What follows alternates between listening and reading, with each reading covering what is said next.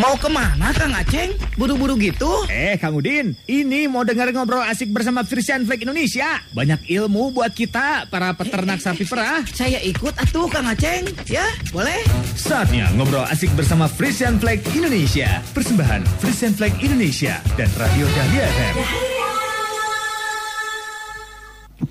101,5 Dahlia FM Bandung Goyang Sikasik Keluarga Dahlia selamat malam. Apa kabarnya malam hari ini? Mudah-mudahan semuanya dalam keadaan sehat walafiat Walaupun di luar hujan ya. Lagi pada kedinginan Tapi harus tetap semangat Karena malam hari ini Akan dihangatkan dengan informasi-informasi yang penting banget. Seperti biasa di hari Jumat Setiap dua minggu sekali ya Ini selalu hadir program spesial di Radio Dahlia FM Ya pastinya adalah program Radio Buara Frisian Plague Indonesia Yang selalu hadir dua minggu sekali sekali menemani warga Dahlia dan juga kawan peternak semuanya. Program Radio Buara Frisian Plague ini merupakan program pengembangan peternakan sapi perah Indonesia agar bisa menghasilkan susu yang berkualitas dan bisa menjadi peternak yang sejahtera juga dong. Oke kalau gitu ya seperti biasa Baby Alia nggak sendirian nanti akan ada narasumber yang luar biasa pada hari ini. Tapi sebelumnya Baby Alia ingatkan nih untuk kawan peternak yang ada di rumah yang mungkin akan menyimak tema kita malam hari ini adalah mengenai pentingnya mengutamakan saat bekerja. Ini penting banget untuk diperhatikan selama kurang lebih satu jam ke depan ya. Dan nanti yang punya pertanyaan seputar tema kita malam hari ini atau seputar peternakan sapi perahnya boleh langsung kirimkan via WhatsApp di 0811 222 1015. Oke? Kalau gitu Baby Ali bakalan kenalin narasumber malam hari ini yang pastinya yang pertama ini nggak asing lagi untuk warga Dahlia dan juga kawan peternak semuanya. Udah sering dengar suaranya ya. Yang pastinya ini adalah DDP Extension Manager PT Frisian Plague Indonesia Indonesia. Ada Kang Rikrik, M Rizky, Wilujeng Wangi Kang Rikrik. Wilujeng Wangi, selamat malam semuanya. Ada yang dari Jawa Timur juga ini ada Bukartina nih ya. Mm -hmm. Sehat Kang Rikrik malam hari ini? Alhamdulillah. Alhamdulillah. Lagi di Bandung malam hari ini Kang Rikrik? Rikrik? Di Bandung, di Bandung. Di Bandung. Oke, luar biasa. Tiris ya Kang ya. Oke, okay. selain ada Kang Rikrik di sini juga sudah ada Kang Aryo Bimo Utomo selaku Corporate SHM Manager PT Frisian Plague Indonesia, aka Kang Pandu ini teh ya.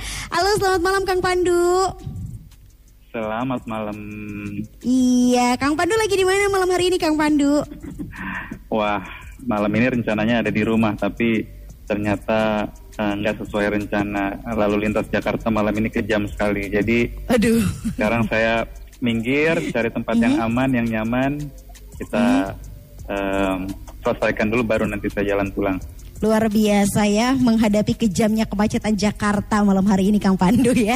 Tapi eh, itu tidak akan menyurutkan semangatnya Kang Pandu untuk memberikan informasi mengenai tema kita malam hari ini. Jadi untuk kawan peternak sekali lagi bisa kirimkan pertanyaannya via WhatsApp di 0811 222 1015. Kang Rikrik, malam hari ini agak sedikit berbeda. Kita pembahasannya secara universal ya, secara umum ini mengenai pentingnya mengutamakan keselamatan saat bekerja. Kenapa tema ini sangat penting sekali untuk kita bahas terutama terutama korelasinya dengan kawan peternak itu seperti apa Kang Rikrik?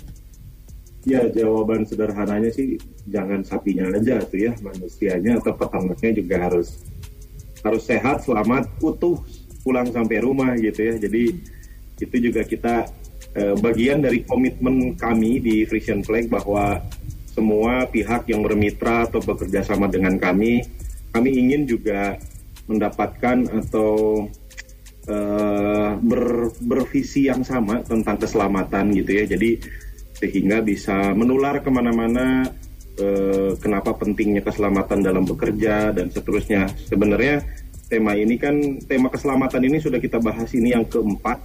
Waktu itu kita membahas tentang apa uh, kebakaran dan dan sebagainya ya. Nah hari ini kita kedatangan tamu spesial Kang Pandu. Kita bahas mengenai lebih ke arah tidak spesifik ke arah kebakarannya atau lainnya tapi lebih ke arah sebenarnya kenapa sih penting gitu ya e, perasaan naik motor ya setiap hari gitu gitu aja. Sebenarnya saya selamat selamat aja gitu ya misalkan. Atau e, di kandang juga ah ya biasa-biasa aja sih apa sih yang harus diperhatikan gitu. Nah nah di sini mudah-mudahan kita bisa sedikit membuka mata e, betapa pentingnya kita untuk selamat. Dan sebenarnya langkah-langkah untuk menuju bekerja aman itu tidak sulit kok gitu ya. E, tinggal kita membiasakan diri saja. Kurang lebih gitu, Teh Baby Alia. Oke, seperti yang Kang Rikrik bilang, kalau ada tamu spesial yang pastinya akan menjelaskan kenapa sih seberapa penting safety di dalam bekerja, terutama untuk kawan peternak semuanya. Apa hubungannya nih Kang Pandu boleh untuk bantu menjelaskan? Oke, saya mungkin nambahin yang Kang Rikrik sampaikan tadi ya kan uh, Kang Rikrik bilang tentang komitmen uh, perusahaan Fashion Flag Indonesia ya tentang keselamatan. Nah mungkin uh, ada satu kalimat di komitmen uh, pernyataan komitmen tersebut yang sangat menarik. Uh, kurang lebih bunyinya gini bahwa uh, Frisian Flag Indonesia itu percaya bahwa semua kecelakaan itu bisa dicegah. Nah ini artinya sangat sangat besar gitu ya. Uh, uh, artinya ada mindset yang yang percaya bahwa uh, kecelakaan itu uh, bisa dicegah. Uh, sementara kalau kita lihat sebenarnya apa sih um, uh, masalah kebanyakan uh, orang gitu ya, uh, yaitu udah berpikir duluan bahwa yang namanya kecelakaan itu ya udah lumrah lah, udah biasa dan hmm. merupakan bagian dari sehari-hari. Nah itu itu pernyataan yang yang yang penting dan artinya artinya sangat sangat banyak. Nanti saya saya bisa cerita banyak lagi deh uh, apa sih maksud dari pernyataan itu dan bagaimana perusahaan kemudian me, apa namanya menerjemahkan komitmen tersebut ke dalam aktivitasnya karena mungkin uh, uh, pada udah tahu juga ya bahwa uh, FFI sebagai bagian dari Frisian Campaign ini uh, adalah pada prinsipnya operasi uh, peternak gitu kan sehingga um, relevansi kita terhadap peternak komitmen kita untuk menjaga keselamatan peternak itu sangat sangat besar sebagai stakeholder paling penting buat FFI. Nah di situlah kenapa uh, kita uh, uh, pengen banget gitu ya berbagi tentang keselamatan uh, ini terhadap para rekan-rekan peternak kita. Kurang lebih gitu deh. Oke baik, tapi boleh nggak sekilas dikasih tahu sama wargi dahlia dan kawan peternak ada dampak apa sih sebetulnya yang bisa dirasakan jika seorang pekerja uh, tidak bisa melakukan uh, safety yang tadi sudah disebutkan? Oke, jadi banyak hal yang kalau kita bicara uh, kecelakaan gitu ya, uh, ada yang ringan sampai yang berat gitu, yang berat uh, amit-amit sampai menyebabkan kematian gitu. Dan uh, mungkin ini yang kita jarang sadari bahwa uh, di uh, in, apa namanya kecelakaan itu nggak cuma terjadi di industri yang yang yang besar lah gitu, tapi juga bisa terjadi dalam uh, apa namanya uh, kegiatan sehari-hari. Dalam dalam hal ini adalah uh, uh, dalam konteks peternakan gitu ya. Uh, uh, mungkin ada beberapa rekan yang tahu bahwa sebenarnya ada kecelakaan yang banyak terjadi yang berhubungan dengan uh, misalnya alat-alat dan kegiatan yang dipakai di peternakan. Tadi Kang Rikrik uh, sempat nyebut di awal nih naik uh, naik motor gitu ya, sebagai bagian dari uh, uh, kegiatan peternak misalnya lagi mencari rumput dan lain sebagainya. Nah itu uh, kalau kita bicara kecelakaan motor uh, di Indonesia itu adalah salah satu penyebab kecelakaan yang paling tinggi kan.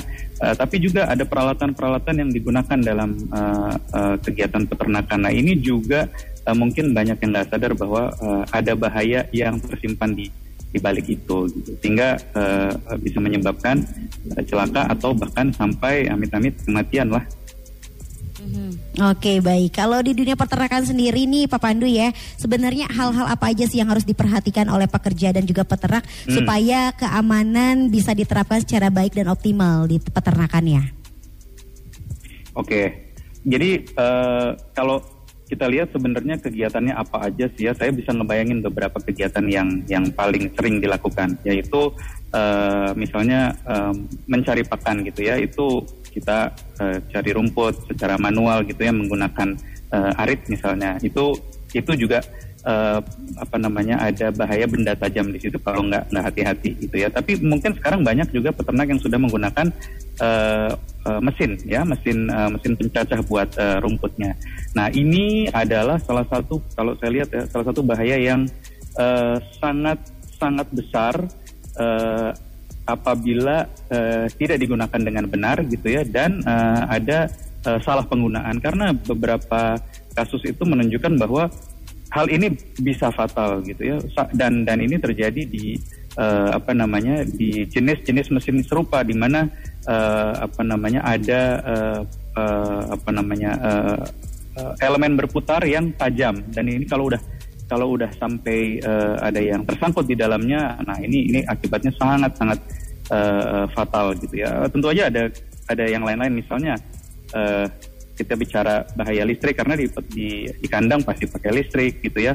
Kemudian juga uh, ada uh, misalnya uh, kita menumpuk barang terlalu tinggi gitu dan kemudian jatuh dan lain sebagainya. Jadi saya banyak sekali bisa memikirkan hal-hal tersebut gitu. Uh, tapi tentu aja berbeda-beda situasinya buat peternak. Nah, yang penting adalah bagaimana kita mengidentifikasi bahaya tersebut, teh.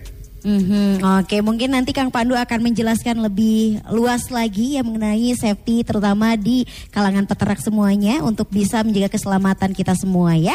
Oke, untuk itu jangan ke mana-mana kita akan mendengarkan terlebih dahulu ini ada mini drama yang harus diperhatikan juga oleh kawan peternak semuanya. Tetap di 101,5 Dahlia FM di Radio Buara Christian Flag Indonesia. Kang, lagi sibuk? Eh, Kang Burhan, kebetulan baru selesai beresin kandang nih. Ada apa tuh Kang? Kok kelihatannya penting banget? Ah, enggak juga Kang. Cuma mau ngabarin aja kalau salah satu burunya Kang Ahmad kemarin kecelakaan pas lagi kerja di kandangnya Kang Ahmad. Hah? Kecelakaan kenapa? Nah, bisa. Kurang tahu juga detailnya gimana. Saya cuma dengar dari salah satu penyuluh hmm. tadi pas ke koperasi. Semoga nggak parah ya Kang ya kondisi buruhnya Kang Ahmad. Itulah gunanya benar-benar paham tentang keamanan dan keselamatan saat bekerja dan melakukan tugas kita Kang. Kalau tidak disiplin menerapkan aturan safety atau aturan keamanan kerja yang baik dan benar dan juga mengetahui resiko bahayanya dari tugas-tugas kita, maka kemungkinan terjadinya kecelakaan pasti besar Kang. Iya Kang, seringnya kita suka males-malesan, rapin disiplin safety atau menganggap enteng resiko bahaya dari pekerjaan kita sehari-hari. Padahal mah bahaya bisa mengancam dari banyak sisi ya Kang. Makanya Makanya saya selalu konsultasi sama penyuluh atau peternak lain yang sudah berpengalaman Kang soal penerapan safety dan saat bekerja. Masalahnya kalau sampai kenapa-kenapa yang rugi bukan cuma kita Kang, tapi bisa ngerugiin keluarga kita juga. Dan kalau kejadian kecelakaannya di kandang bisa bahayain ternak kita juga loh Kang. Bener juga ya Kang. Malah jadi tambah besar ruginya. Ya, semoga kita bisa selalu hati-hati pas kerja ya, Kang. Kalau kita kerjanya hati-hati, aman, dan tahu pasti resiko bahaya dari tiap pekerjaan kita, insya Allah Kang, kerja kita jadi lebih lancar dan usaha kita lebih maju. Ya Kang? Amin Kang. 101,5 Dahlia FM Dahlia FM Dahlia FM Bandung Goyang. Sik asik lima Dahlia FM Bandung Goyang si kasih masih di Radio Bora Frisian Play Indonesia masih bareng sama Baby Alia, masih bareng sama Kang Pandu dan juga Kang Rik Rik malam hari ini. Yang pastinya kita masih membahas tema yang begitu luar biasa, pentingnya mengutamakan keselamatan saat bekerja. Sebelum kita lanjut ngobrol bareng sama narasumber kita malam hari ini, Baby Alia mau kasih informasi dulu nih ya. Berdasarkan data dari Infodatin Depkes tahun 2018, persentase terbesar dari keluhan kesehatan dan keselamatan kerja paling banyak terjadi di daerah perdesaan dan berdasarkan lapangan usahanya persentase tersebut keluhan kesehatan dan keselamatan kerja terjadi pada lapangan usaha yang berhubungan dengan pertanian dan peternakan justru ya. Beberapa penyebabnya antara lain adalah penyusunan dan juga penyimpanan barang-barang yang berbahaya yang kurang diperhatikan keamanannya. Terus juga ruang kerja yang barang yang terlalu padat dan juga sesak, pembuangan limbah kotoran yang tidak pada tempatnya, penerangan yang kurang memadai, pengamanan peralatan kerja yang usang atau rusak dan juga penggunaan mesin peralatan elektronik tanpa pengamanan yang baik. Kang Pandu, ini fakta-fakta ini apakah sesuai dengan yang terjadi di lapangan ketika hal-hal itu terjadi? Safety pun ataupun keamanan pun terabaikan jadinya. Betul banget. Jadi tadi seperti yang di, disebutkan barusan uh, dari survei tadi ya uh, penyimpanan barang-barang yang uh, kurang baik. Nah ini ini kadang-kadang kita terbiasa ngelihat oh barang disimpan sembarangan gitu ya. Tapi uh, sebenarnya ada resiko di balik itu. Apakah dia terjatuh atau misalnya uh, karena barang tidak disimpan dengan baik uh, ruang bergerak itu sempit. Sehingga uh, pada saat kita melakukan aktivitas kita nggak uh, bisa dilakukan dengan benar dan uh, pada akhirnya uh, gerakan kita uh, mencelakai diri kita sendiri gitu. Belum lagi misalnya tempatnya uh, apa namanya ada lantai yang basah dan kemudian di saat yang bersamaan nih uh, kita bicara tentang listrik. Itu kadang-kadang kan kita pikir listrik itu uh, sederhana aja ya. Uh, intinya adalah gimana supaya jangan kesetrum. Tapi kadang-kadang kita nggak um, lihat juga tuh uh, apa namanya kabel dicolok ditumpuk-tumpuk itu juga bahaya sehingga overload dan lain sebagainya. Jadi memang benar itu adalah bagian dari kehidupan uh, sehari-hari termasuk kegiatan di peternakan sehari-hari yang uh, bisa jadi terlupakan gitu ya. Ada benda-benda tajam, ada uh, ruang sempit yang yang untuk bergerak. Begitu juga seperti peralatan-peralatan yang digunakan gitu ya. Uh, uh, apalagi kalau udah menggunakan mesin yang berputar apa namanya itu itu itu sangat bahaya kira-kira. Mm-hmm. Jadi benar deh surveinya sangat sangat sesuai. Mm-hmm. Oke okay, baik. Tapi kalau sekarang kita pengen berbicara secara umum dulu nih Kang Pandu, boleh kasih contoh ya. nggak ya. perlengkapan safety apa yang sebetulnya eh, dibutuhkan oleh para pekerja, terutama yang kayak di kantor ataupun pabrik saat melakukan tugasnya, dan khususnya nanti boleh kasih contoh perlengkapan safety untuk kawan peternak yang bisa digunakan itu seperti apa? Oke, jadi kalau di pabrik gitu ya biasanya kita pakai peralatan standar uh, untuk melindungi bagian-bagian penting, mulai dari uh, bagian kepala kita menggunakan uh, safety helmet gitu ya, helm keselamatan atau topi keselamatan uh, untuk melindungi mata dengan uh, kacamata uh, safety kita bilangnya. Uh, kemudian kita pakai sepatu safety tentu saja karena uh, apa namanya uh, kaki kaki ini jari-jarinya harus dilindungi.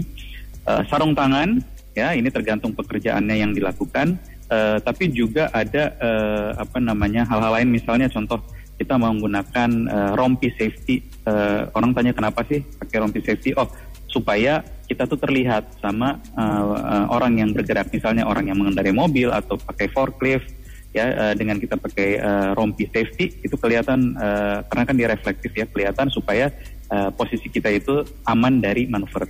Nah itu itu kalau dalam kegiatan di uh, pabrik gitu ya. Mm-hmm. Tapi kalau di peternakan dengan logika yang sama sebenarnya uh, juga kurang lebih sama, uh, terutama untuk tangan gitu ya, karena kan kita menggunakan banyak tangan gitu ya. Uh, sarung tangan ini selain untuk melindungi tangan juga untuk memberikan daya genggam yang uh, uh, lebih gitu ya. Misalnya kita menggunakan alat uh, menarik sesuatu, tali dan lain sebagainya yang berpotensi melukai tangan itu dengan dengan sarung tangan itu sangat sangat membantu.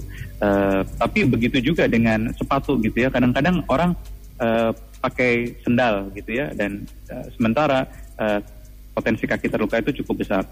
Uh, tadi saya sempat ngomong nih, kadang-kadang nih banyak yang uh, nyari rumput pakai motor gitu ya. Mm-hmm. Nah itu kadang-kadang sering terlupakan tuh nggak uh, pakai helm kah, ya terus kemudian mengendara motor juga harus ingat loh mengendara motor itu tidak disarankan menggunakan sendal gitu. Kenapa? Karena uh, selain pijakan yang kurang kaki juga tidak terlindungi. Sehingga apabila harus menahan beban motor uh, itu sangat sangat sulit gitu. Sementara dengan sepatu akan lebih baik. Nah itu beberapa alat pelindung diri yang saya bisa pikirkan untuk rekan-rekan peternak gitu. Saya yakin lebih banyak lagi dan dan rekan-rekan peternak bisa mulai berpikir gitu oh apalagi ya yang yang yang bisa digunakan untuk melindungi diri kita sendiri gitu. Mm-hmm, Oke okay, baik ya Kang Pandu tadi sudah memaparkan alat-alat pendukung yang bisa digunakan untuk keamanan kawan peternak. Kang Rikrik saya pengen tanya apakah di kalangan peternak sudah menyadari pentingnya menggunakan alat-alat safety tadi terutama di lingkungan peternakannya ini Kang Rikrik?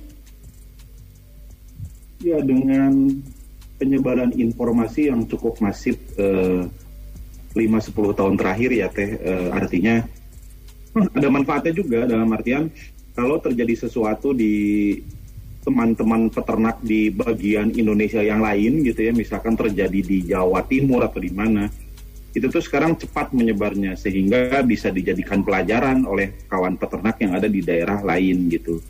Kayak misalkan contoh, kalau misalkan kita berbicara tahun 2000-an atau sebelumnya itu sulit ya. Misalkan ada yang meninggal kesodok tanduk, saya pernah dengar tuh tahun 2000-an ya. Ya 2010, 2011 waktu itu kan media sosial belum rame. Ada yang meninggal kesodok tanduk di Jawa Tengah misalkan. Itu Aduh. tidak terdengar tuh sampai Jawa Barat. Nah, dengan adanya media sosial juga menjadi lebih informatif ya. Tapi juga diharapkan bukan hanya sekedar oh iya kecelakaan si Anu di mana? Itu juga kita harus jadikan uh, pelajaran di kandang kita sebenarnya potensinya kayak apa sih gitu ya.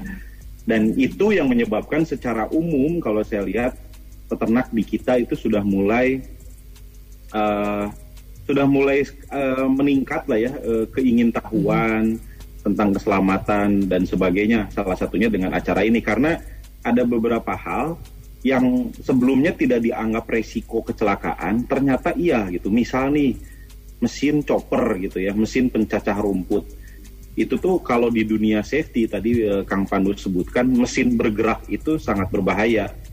Tetapi di dunia peternakan itu sangat-sangat lumrah gitu ya. Iya, iya. Nah ini yang harus kita eh, edukasi di di di tempat-tempat seperti di apa di- di momen-momen seperti ini karena ada hal-hal yang ternyata kita anggap tidak resiko tapi tetap tapi malah resiko yang sangat besar. Kalau kayak helm gitu kan itu udah umum ya. Tapi kalau di di peternakan itu jangan lupa loh tanduk itu itu bagian dari eh, resiko kecelakaan tanduk sapi gitu. Karena pada saat peternak bekerja di di depan sapi ngasih makan apa itu eh, kadang-kadang sapi lagi kesal atau apa disodok itu pernah loh be- beberapa kali kejadian sampai maaf ya robek perutnya gitu karena tanduk gitu itu juga harus hati-hati bapak-bapak gitu itu sih teh Oke, baik. Kalau dari Kang Pandu ada tambahan nggak? Mengingat eh, akhir-akhir ini juga kita sering mendengar pemberitaan ada yang sering sekali ke- kecelakaan akibat pekerjaan gitu. Kang Pandu tanggapannya seperti apa?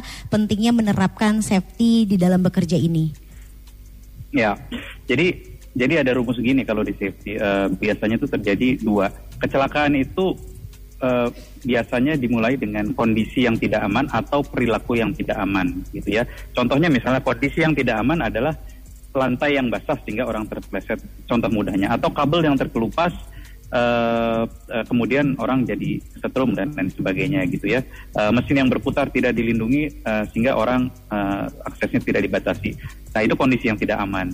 Eh, tapi sebenarnya yang orang eh, eh, lupa bahwa kondisi tidak aman itu juga disebabkan oleh perilaku yang tidak aman gitu. Sehingga kalau dari statistik eh, keselamatan yang menarik adalah lebih dari 80% kecelakaan itu terjadi karena perilaku yang tidak aman. Jadi eh, orang kadang-kadang men- menyalahkan oh ini kondisinya tidak aman nih gitu. Tapi sebenarnya itu dipicu oleh perilaku yang tidak aman. Jadi balik lagi ini semua adalah masalah perilaku yang yang tidak aman yang disebabkan oleh oleh kita sendiri. Nah ini ini ini sesuatu yang kita harus sadari, atau eh, rekan-rekan peternak harus sadari juga bahwa eh, semuanya memang mulai dari dari kita sih. Mungkin itu ya teh. Iya, kalau ngomongin masalah perilaku berarti itu masih bisa dicegah, masih bisa dikendalikan oleh diri kita sendiri ya Kang Pandu ya. Setuju. Oke baik ya. Nanti kita akan ini ya akan eh, lanjutkan lagi obrolan kita malam hari ini mengenai tema safety di malam hari ini untuk kawan peternak khususnya ya. Yang pastinya jangan ke mana-mana. WhatsApp juga sudah banyak sekali ini yang bertanya. Kita akan bacakan WhatsAppnya sesaat lagi setelah yang satu ini. Tetap di Radio Bawara Frisian Flag Indonesia. Itu sih buat dari saya.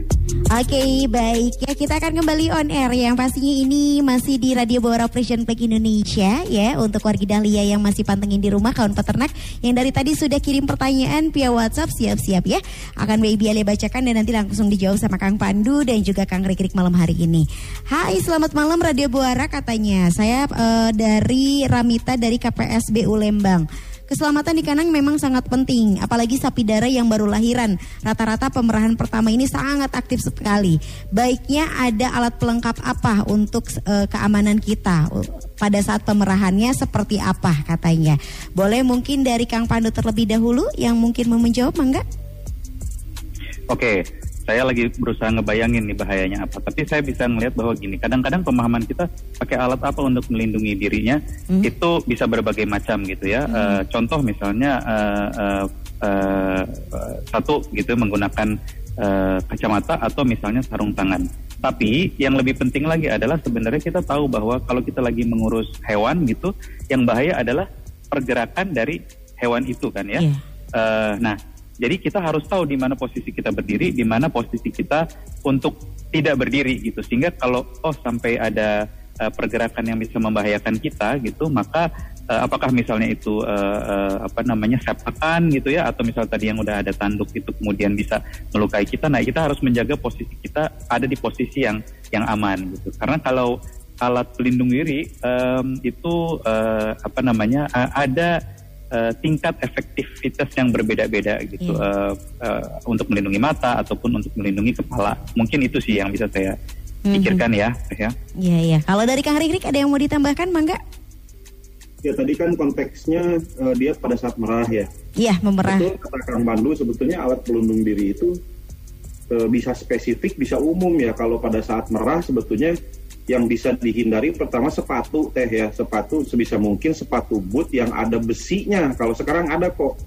Jadi kayak merek-merek terkenal sekarang ya sepatu boot yang biasa dibeli oleh peternak itu ada juga yang sudah mengan, uh, ada terdapat besi di ujungnya. Sehingga misal kalau kita ke keinjek oleh sapi itu aman teh gitu. Nah banyak kejadian kok teman-teman peternak keinjak sapi itu ya minimal bengkak dua Hmm. minggu tuh ada tuh jempol itu. Gitu. Nah kalau ketendang, saya tadi lihat video tuh di grup-grup peternak ada yang lagi merah, dia iseng untuk ke sapinya di, dikelitikin atau di Hmm. apa, sapinya marah ditendang tuh mukanya gitu. Wah itu bisa bengkak dua tahun itu gitu. Ya. Nah kalau itu sebenarnya nggak ada pelindung dirinya, masa mau merah sapi pakai Betul. baju besi gitu ya. Tapi kalau saya pelajari dari video itu sebenarnya bagaimana kita juga mempersiapkan sapinya teh sebagai hewan. Jadi pada saat mau merah nih kita pegang dulu, dia tahu nih oh yang mau merah majikannya. Terus pada saat merah ya jangan diisengin. Namanya hewan gitu ya. Diisengin ya balik nyerang gitu. Apalagi kita kan kalau penyayang hewan ada ya when we abuse gitu ya pada saat kita nyakitin hewan biasanya hewan akan nyakitin balik gitu. Mhm, Iya. Jadi, tapi pencegahan yang sederhana sih di kandang yaitu sepatu yang ada besinya. Kalau helm sih berlebihan menurut saya, karena juga percuma kalau ditendang sapi mukanya tetap helm juga nggak bisa nggak bisa bantu. gitu. Betul. Tapi ya itu si sapinya dilus dulu, terus jangan disakitin gitu ya. Itu Iya. penting sih teh. Itu terkait pertanyaan teteh siapa tadi, ya itulah. Iya, teh teh Ani itu gitu tadi teh. Oke, baik mudah-mudahan bisa terjawab ya. Jangan gabut ya, jangan noel-noel sapi yang lagi fokus untuk mengeluarkan air susunya ya. Oke, ada juga ini dari Opan Sopandi. Assalamualaikum mau tanya sama Kang Rikrik nih ya dari TPK Cisangkui KPBS Pangalengan. Upaya apa saja yang sudah dilakukan oleh FFI sebagai mitra kerja KPBS khususnya untuk mengurangi resiko kecelakaan dalam bidang peternakan sapi perah katanya Kang. Ya sebelum kita menyentuh ke peternak dengan program-program seperti ini, kita juga sudah kerjasama sama KPBS-nya kan gitu. Bagaimana mungkin akan lihat ya kalau ke kantor KPBS sekarang mau naik tangga ada tanda panah, Mhm. ada tanda pegang, head pegang saya gitu ya.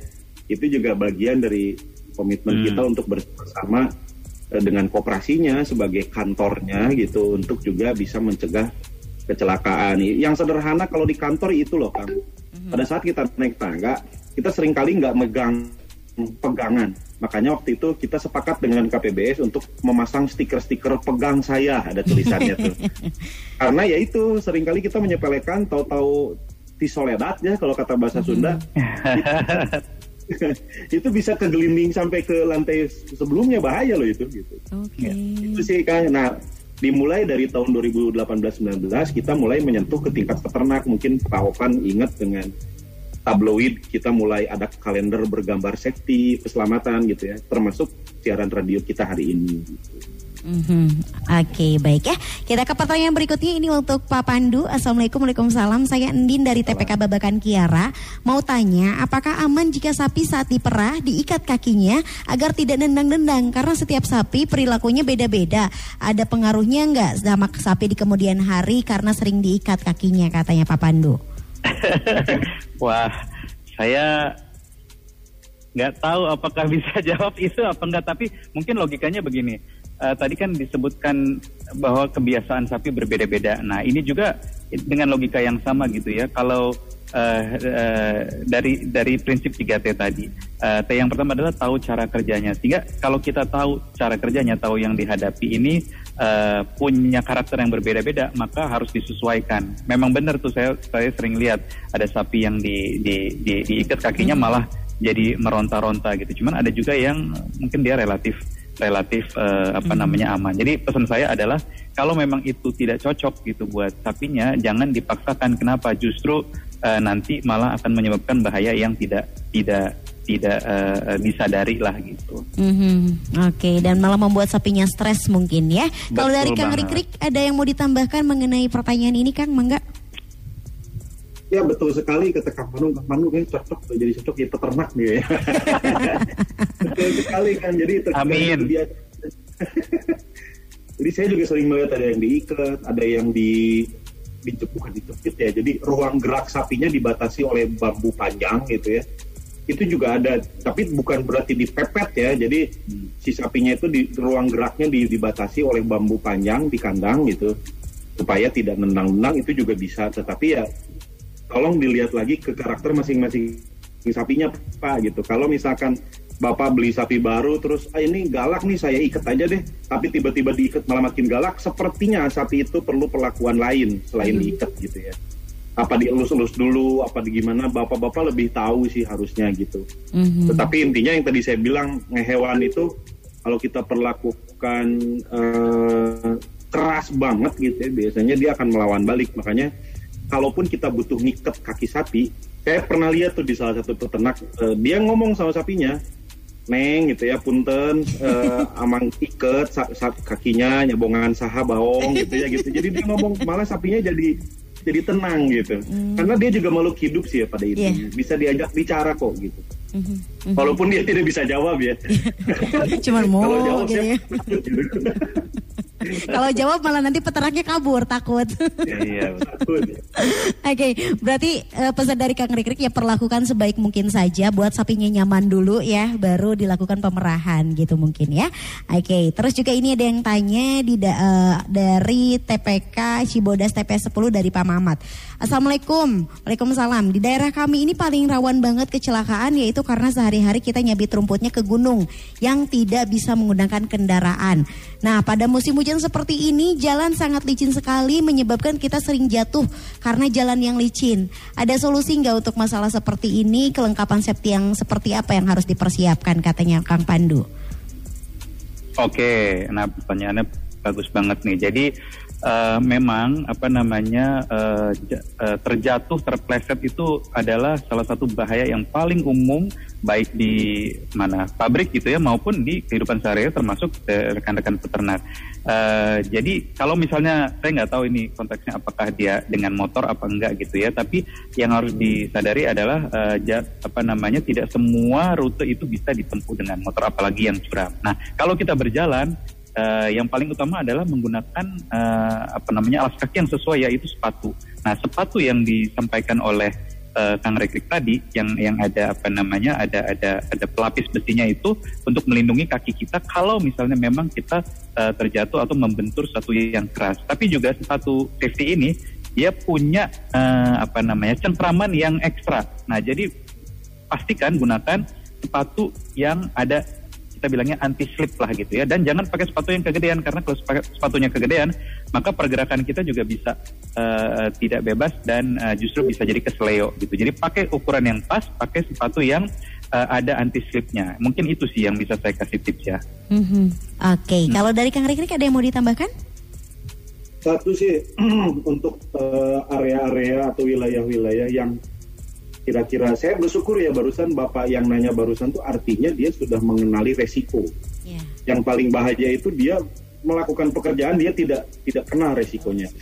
Nah, Bapak yang barusan di Cibodas itu artinya dia sudah kena resikonya Kang Pandu ya gitu. Nah, betul dari Kang Pandu tadi yang saya sampaikan, yang di yang Kang Pandu sampaikan, kalau dari saya sih usahakan kalau ke daerah-daerah yang kira-kira menurut bapak-bapak resiko tinggi, itu usahakan tidak sendiri, Pak. Ya berdua atau bertiga dengan teman-teman yang mau ngarit juga gitu. Jadi amit-amit nauzubillah min dzalik kalau terjadi sesuatu itu ada yang ada yang ada yang ada yang saling mengingatkan, ada yang menolong dan sebagainya. Nah, selain tadi ya urusan teknis pakai sepatu yang benar gitu ya, terus eh, apa eh, berhati-hati dalam berjalan, terutama jalan licin. Kalau sekiranya betul tadi kata Kang Pandu 3T, kalau sekiranya ragu Pak, misalkan nih saya kayaknya jalan curam ke bawah ini biasanya nggak selicin ini, tapi kok sekarang licin ya? Sebaiknya stop gitu. Kalau misalkan emang ragu sekali ya, ini saya ragu banget nih kayaknya kalau diterusin juga gimana mungkin lebih baik stop pak gitu jadi kita mungkin bisa ngarit di daerah yang lebih sedikit lebih aman gitu Mhm. dan itu tadi kalau bisa usahakan jangan sendiri gitu Oke, Ya. baik ya. Selanjutnya ini dari Bu Alis dari TPK Cibodas KPSBU Lembang mau tanya sama Kang Rikrik. Kalau ada sapi yang sangat agresif ketika pemerahan, kita biasanya cari aman dengan si sapinya dikasih makan rumput atau lolohan supaya sapinya diam. Itu berpengaruh nggak nantinya sama produksi susunya Kang Rikrik katanya? wah itu cerdas sekali Bu Alis betul sekali Bu saya jadi ingat tuh bener salah satu mengendalikan sapi supaya diem ya kasih makan bener kalau pengaruh nggak ke produksi malah nambah Bu gitu Oke. produksi Karena di negara-negara maju pun eh, peternakan-peternak besar gitu ya, itu kalau lagi diperah biasanya dikasih makan bu, gitu. Oke. Supaya satu supaya diem, dua supaya produksinya cepat cepat pulih gitu. Mhm. Itu ide bagus bu, artinya Bu Ali juga sudah mengetahui resiko, Mhm. bahkan sudah mengetahui caranya. Itu menurut saya cara yang harus disebarluaskan ya. Iya, iya. Jadi kalau ada sapi galak, coba dikasih makan dulu. Kalau dia tenang ya sudah berarti tidak usah ikat-ikat kaki atau dempet-dempet bambu gitu. Mhm. Oke. Walaupun kadang ada sih ya, setelah dikasih makan juga tetap we gitu ya. ya. Mhm. Tapi setidaknya saya rasa dengan dikasih makan 50% keliaran sapinya akan berkurang gitu. Iya. Minimal ya. Hmm. Jangankan sapi kita aja kalau dikasih makan diem langsung repeh ya Kang Rikri. Iya, saya baru mau bilang. Iya, iya bener ya Kang Pandu ya. Iya. Apalagi sapi gitu, tenang aja, enjoy ya, menikmati hidup. Oke, pertanyaan terakhir mungkin ya akan kita bacakan malam hari ini. Ini dari Kang Ujang Supirman dari Lembang. Assalamualaikum, waalaikumsalam. Mungkin ini juga mau berbagi pengalaman saya. eh, pengalaman saya sering terjadi kecelakaan itu salah satunya adalah saat kita terburu-buru atau pada saat kita telat start di kandang mau merah sapi jadinya terburu-buru. Maka sapi akan tidak nyaman sehingga produktivitas susu menurun, bisa ditendang sama sapinya, terus juga kemungkinan mastitis tinggi, terus jatuh di kandang atau pada saat yang tersusu karena takut ketinggalan mobil jemput susu. Sebaiknya pengaturan waktu juga diperhatikan, selalu berhati-hati ya buat wargi semuanya. Kang Rikrik setuju nggak nih sama Kang Ujang? Ini juga satu lagi nih peternak yang sudah aware seperti Keren itu ya. betul betul. Jadi betul sekali Kang. Jadi waktu juga menjadi sangat menen- sangat menentukan Kang gitu.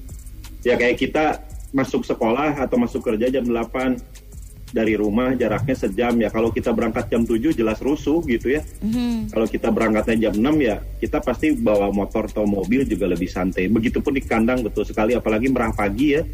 Merah pagi itu kan rata-rata jam 5, setengah 5 itu masih gelap. Dan juga eh, oh ya satu lagi penerangan ya. Penerangan juga usahakan di kandang itu sangat bagus. Jadi misalkan jangan satu kandang lima ekor sapi sa- wak- lampunya 5 watt gitu ya, itu juga potensi-potensi kecelakaan terjadi terutama pada saat peternak akan masuk ke kandang di perah pagi karena perah pagi biasanya setengah lima masih gelap lah ya gitu. Mhm. Betul sekali Kang Ujang, nuhun Kang. Luar biasa ya peternak-peternak kita ya, Kang Rikrik ya. Sudah mulai eh, mengembangkan dirinya dan sharing informasi juga ke peternak yang lainnya.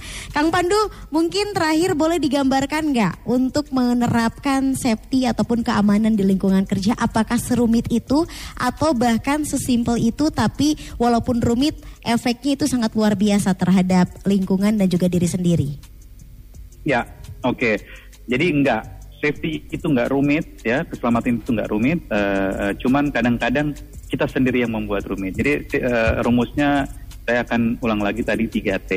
Eh, tapi juga kenapa orang kadang-kadang suka apa namanya ya eh, eh, meng- mengambil jalan pintas gitu. Contohnya, contohnya dia tahu bahwa eh, oh harusnya saya nggak pakai alat ini, cuman karena saya apa namanya malas ngambilnya gitu ya jauh, jadi saya pakai alat yang ada yang nggak sesuai bisa jadi celaka. Jadi sering jalan pintas ini eh, eh, dirasakan bahwa ah nggak apa-apa saya nggak akan nggak akan kejadian gitu. Contoh misalnya eh, eh, apa namanya eh, kita eh, mau mau mau mau naik gitu ya dengan dengan tangga tangganya nggak ada oh kita pakai eh, apa pun yang ada eh, karena kita pikir ah ini akan cukup kuat gitu ya. Eh, tapi ternyata jatuh. Jadi kadang-kadang eh, safe balik lagi ya keselamatan tidak rumit tapi kadang kita sendiri ingin mengambil jalan pintas yang lebih cepat. Padahal berapa yang bisa dihemat sih itu itu tidak signifikan dibandingkan dengan bahaya yang yang kita eh, hadapi kira-kira gitu. Jadi eh, jadi buang jauh-jauh itu pikiran bahwa keselamatan itu rumit Mhm. Oke ya baik ya bahwa menjaga keselamatan itu tidak rumit kalau kata Kang Pandu. Kalau terakhir dari Kang Rikri kesimpulan yang akan disampaikan terkait kita, tema kita malam ini silakan. Yang tadi di eh, di Zoom saya ulang aja ya, supaya kedengeran semua. Jadi kalau kita di pabrik biasanya dituntut untuk melakukan last minute risk assessment namanya. Jadi itu kalau bahasa sederhananya diam sejenak untuk berpikir gitu ya. Nah kita bisa juga memperlakukan itu di mana di di kandang. Jadi itu bisa dilakukan sebenarnya simple, cuman 5-10 detik pada saat kita mau melakukan pekerjaan apa pun, misalkan ya sambil kita Bismillahirrohmanirrohim gitu ya.